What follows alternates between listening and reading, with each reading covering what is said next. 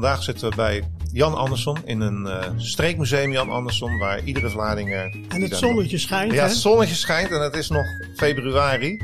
Um, dus het zonnetje schijnt altijd in dit museum. En voor degenen die er nog niet geweest zijn, ga een keer kijken. Um, we geven dadelijk even door uh, Jan, denk ik zelf, wat de openingstijden zijn op de zaterdagen.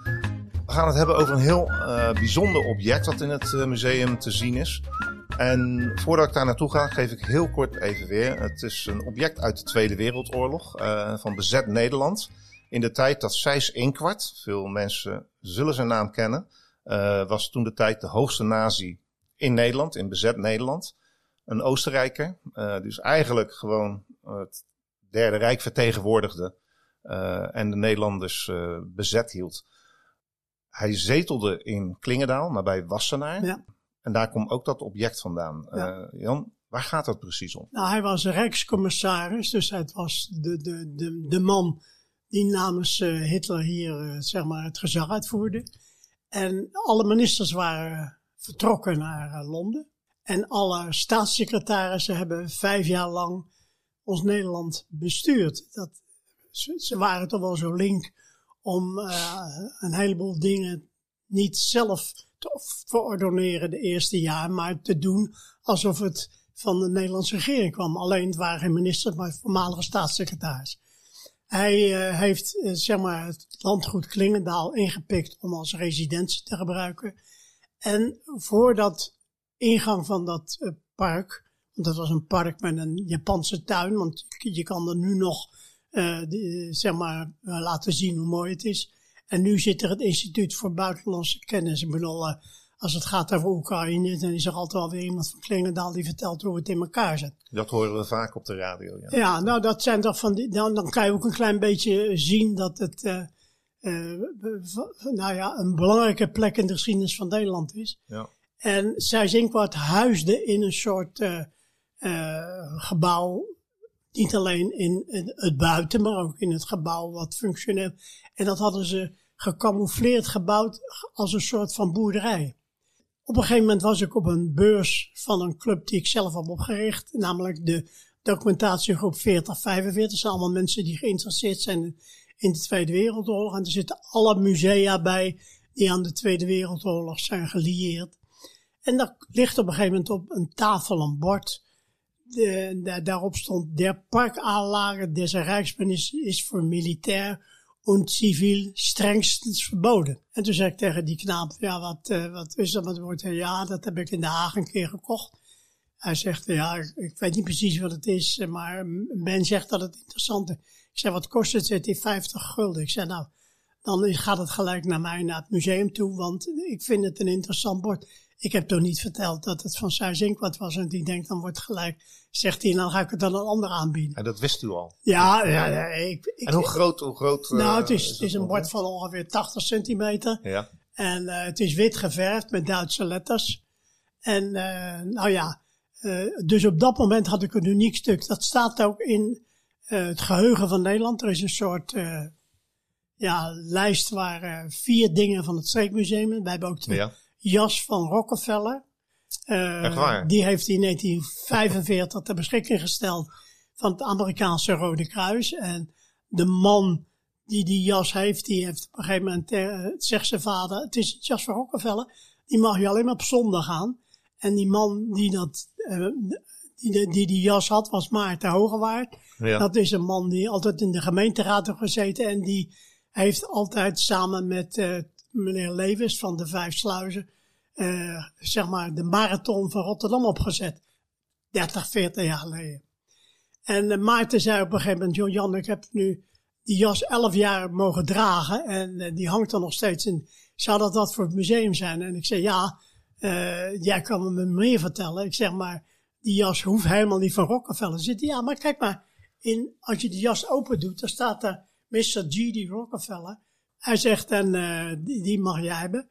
Ik zeg, maar hoe weet je dan dat het echt is? Hij zegt, mijn vader heeft in 1946 gezegd, jij zit nou op de Mulo. Schrijf jij nou eens een brief in het Engels naar het Rockefeller Center in uh, New York.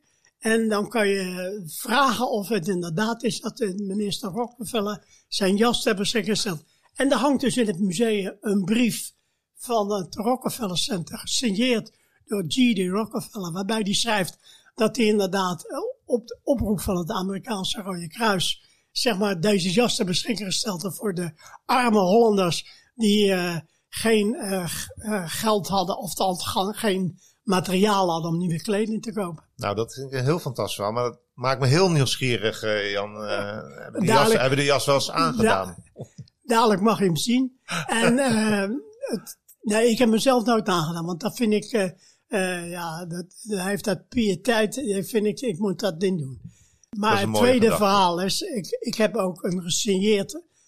Uh, kijk, als je in Duitsland uh, vanaf 1933 aan het huwelijk trad, dan kreeg je geen Bijbel, maar dan kreeg je een Mijn Kamp.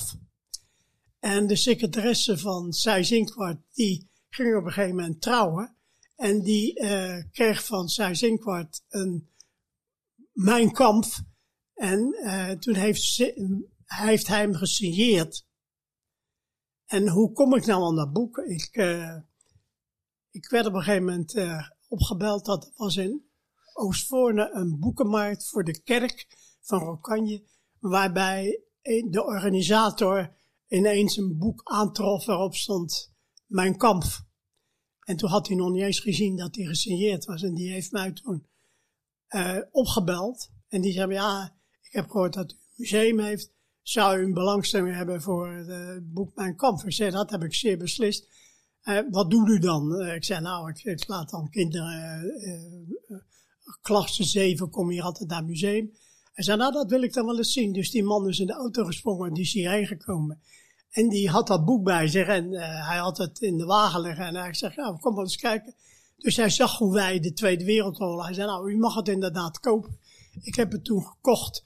En op zo'n manier kom je aan de bijzondere dingen. het bord uh, kocht ik op een, uh, op een beurs. En uh, de, de, het boek van uh, Sijs kreeg ik omdat een man in Oostvoorne zo wijs was om te dag, denken, nou, er is in Vlaardingen een museum die dat gebruikt. Nou, dat is een, een, fantastisch verhaal. Lijkt me overigens een verschrikkelijk cadeau om te krijgen. Uh, voor, voor, voor een trouwerij. Maar goed, dat was een ja, andere tijd natuurlijk. Ja, maar die mevrouw die zal best nazi, Nationaal Socialistisch ja, geïnteresseerd zijn geweest. Ja, waarschijnlijk wel. ben je geen secretaresse van Zuid. Dat zijn uh, drie voorwerpen, Jan. Uh, er is nog één ander voorwerp uh, wat in het museum staat, wat wel heel bijzonder is. Hè? Ja, in de oorlog zijn er 600 Joodse medewerkers van Philips verplaatst naar het concentratiekamp Vught. En een groot aantal hebben het gelukkig overleefd dus daarom kan Philips altijd zeggen dat zij, uh, ondanks dat ze voor de Duitsers werkten, toch nog een aantal Joodse mensen hebben gered. En een van de dingen die ze daar maakten waren radio's voor het Duitse leger. Dus niet geen uh, persoonlijke radio's die je binnen had, maar voor te gebruiken bij, uh, bij oorlogsvoering. Zend en ontvang, zeg maar. Ja. En een van de mensen die toen bij Philips werkte, dat was Jan Bolding. Dat was de latere professor Bolding, die directeur was van Unilever Research. En die zei op een gegeven moment, uh, ik, had een, ik had een lezing gegeven bij de Rotary, waar ik ook lid van was. En uh, toen zei hij, een aardig verhaal Jan, maar ik heb nog de radio uit Vught. Ik zeg, kristalentvanger. Zegt hij, nee, dat is een radio geblazen van kleine radiolampjes. Want ze hadden daar ook nog glasblazerij. Hij zegt, en voor kleine dingetjes zodanig gemonteerd dat het een heel klein radio is die ik uit Vught kon smokkelen. En die is nu bij mijn zoon, die woont in Noorwegen en uh, die staat dokter op een eilandje voor, voor de kust van Noorwegen. Hij zegt, en die vindt dat interessant. Ik zeg, joh Jan, jij weet hoe ik geïnteresseerd ben in het materiaal voor de Tweede Wereldoorlog. Dit verhaal is natuurlijk veel interessanter als dat jij gaat vertellen. Mijn zoon in Noorwegen heeft een radiootje wat ik in 1944 gekregen heb van een Joodse medewerker in Vught. Ik zeg, dat kan veel beter in het museum zijn. Dus hij zegt, nou goed, als ik weer naar Noorwegen ga, breng ik het mee. Dus na een paar maanden kwam hij met een krantenpapiertje en daar zat dat radiootje in. Dus wat dat te gaan, we hebben ook een uniek stuk wat gemaakt is in het concentratiekamp Vught door Joodse medewerkers van Philips. Ik denk uh, dat het een, uh, een, een, goede reden is voor mensen die uh, deze periode uit de geschiedenis 4045 interessant vinden. Deze objecten kunnen bekijken in Streekmuseum Jan Andersen. Ja, het is op de Ketelweg nummer 50. We zijn iedere zaterdagmiddag geopend en de eerste zondag van de maand. En in de maand mei, dat is de feestmaand van Vlaanderen, zijn we iedere middag open. Omdat ik dan vind dat in zo'n feestmaand iedereen, als je er naar Vlaanderen toe gaat, dat je, als er geen festiviteiten zijn, dat je hier al eventjes een tentoonstelling 750 jaar Vlaanderen kan zien. Mooi gezegd. En iedereen moet komen.